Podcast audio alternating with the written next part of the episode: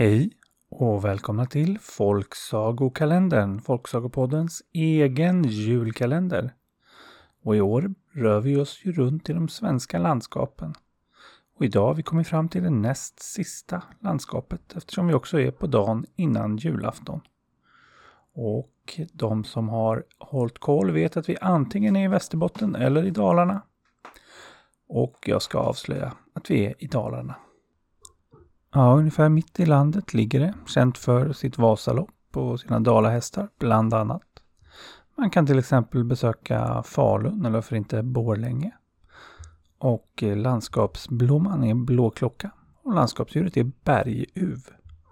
Och en saga från Dalarna. Det får ni här.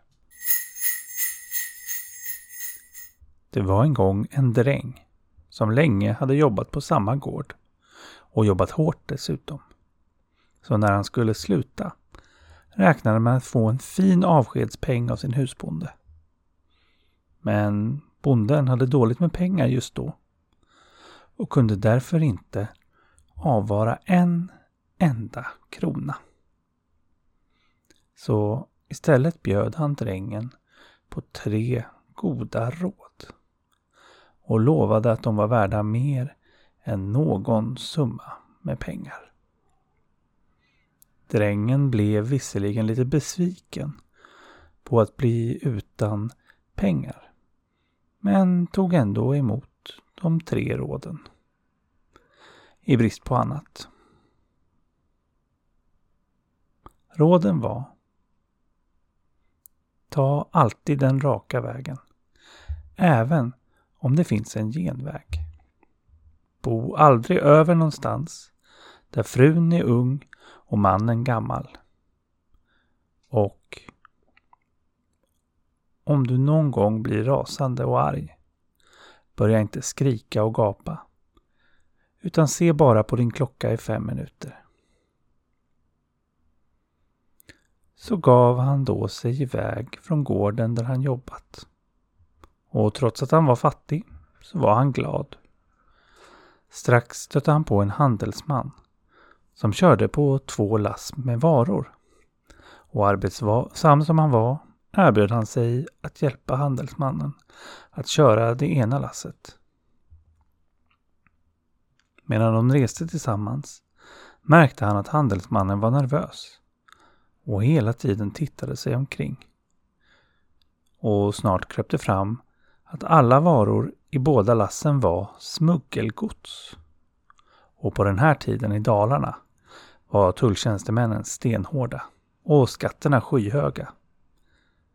Så drängen förstod att handelsmannen var nervös. Men sa att det nog skulle ordna sig. Efter ett tag kom de fram till en korsväg.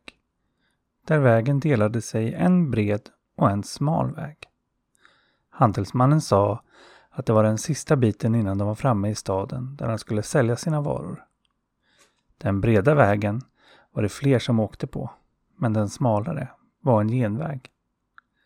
Handelsmannen sa att de borde ta den smala vägen för att undvika tullen och så gav han sig iväg. Och drängen var på väg att följa efter tills han kom på sin förra husbondes första råd. Då vände han och fortsatte på den breda vägen. Drängen kom fram till staden utan att ha stött på en enda tulltjänsteman. Men när han stötte ihop med handelsmannen så visade det sig att han hade haft mindre tur. Tullen hade tänkt precis som handelsmannen. Att den som har något att dölja tar den mindre resta vägen. Och därför hade de väntat där. Men Handelsmannen var glad att han åtminstone hade ena lasset kvar. Tack vare drängen. Och gav honom därför en liten påse pengar. Och så skildes de åt. Hela dagen hade gått och drängen kände att han var både trött och hungrig. Och tänkte att nu, när han hade lite pengar, så kunde han unna sig att ta ett rum på ett gästgiveri så han begav sig till det stiveri som fanns i stan Men när han skulle kliva in fick han genom fönstret se herrn och frun som drev det. Frun var ung och herrn var minst dubbelt så gammal. Drängen mindes då det andra rådet och vände innan han ens tagit i dörren och begav sig vidare. Men eh, han hann inte långt innan tröttheten och hungern grep tag i honom igen. Och han började ångra att han inte tagit in på gästgiveriet. Varför skulle han lyda de där råden ens? Tänkte han. Och så vände han tillbaka. När han eh, skulle kliva in igen blickade han återigen in genom fönstret och fick se att herrn nu låg död på golvet, ihjälstucken. Den unga frun stod istället med en ung man som höll i en kniv. Drängen förstod att det måste vara den unga fruns nya älskare och att de tillsammans mördat den äldre mannen. Vilken tur att han inte hamnade mitt i det där, tänkte han och skulle just vända om igen. Men då fick han se att mannen med kniven var framme vid dörren och på väg ut. Nu gällde det att tänka snabbt. Drängen drog sin egen kniv och var beredd på slagsmål. Och så fort knivmannen stack ut sin hand så högg drängen. Och vilken träff han fick in. Mannens pekfinger flög av och snabbt drog han in sin hand och låste dörren. Drängen plockade upp fingret och skyndade sig därifrån. Nu var drängen pigg igen av allt tumult, så han orkade vandra vidare i natten. Han kom till slut fram till sin barndomsby och bestämde sig för att överraska sin flicka. Så han gick till hennes stuga och bultade på dörren. Men hon öppnade inte. Igen och igen bultade han. Och hans fantasi drog iväg. Hade hans flicka träffat någon annan medan han varit iväg? Var det därför hon inte öppnade? För att hon eh, låg och kramades med någon kar där inne? Kanske självaste bagaren, den flinande fjanten, sa drängens fantasi. Medan han blev argare och argare. Och tiden gick. Till slut öppnade hans flicka dörren lika vacker som dagen han rest. Men istället för att ta henne i sin famn hade han stor lust att börja gapa och skrika. Men på något sätt mindes han ändå det tredje rådet och plockade upp sin klocka och tittade på den. Och tur var väl det.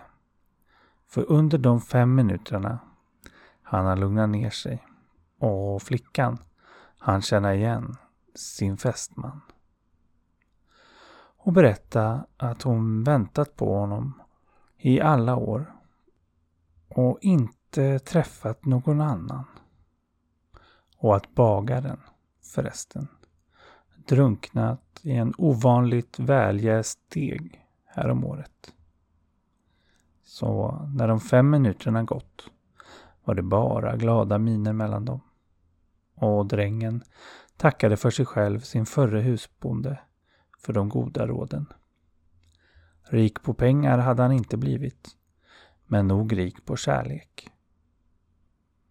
Och här skulle sagan kunna vara slut. Men gästgivaren som blivit nedhuggen kom från en rik släkt som gärna ville veta vad som hänt med deras stackars kusin. Och visst misstänkte de hans unga fru. Men de hade inga bevis.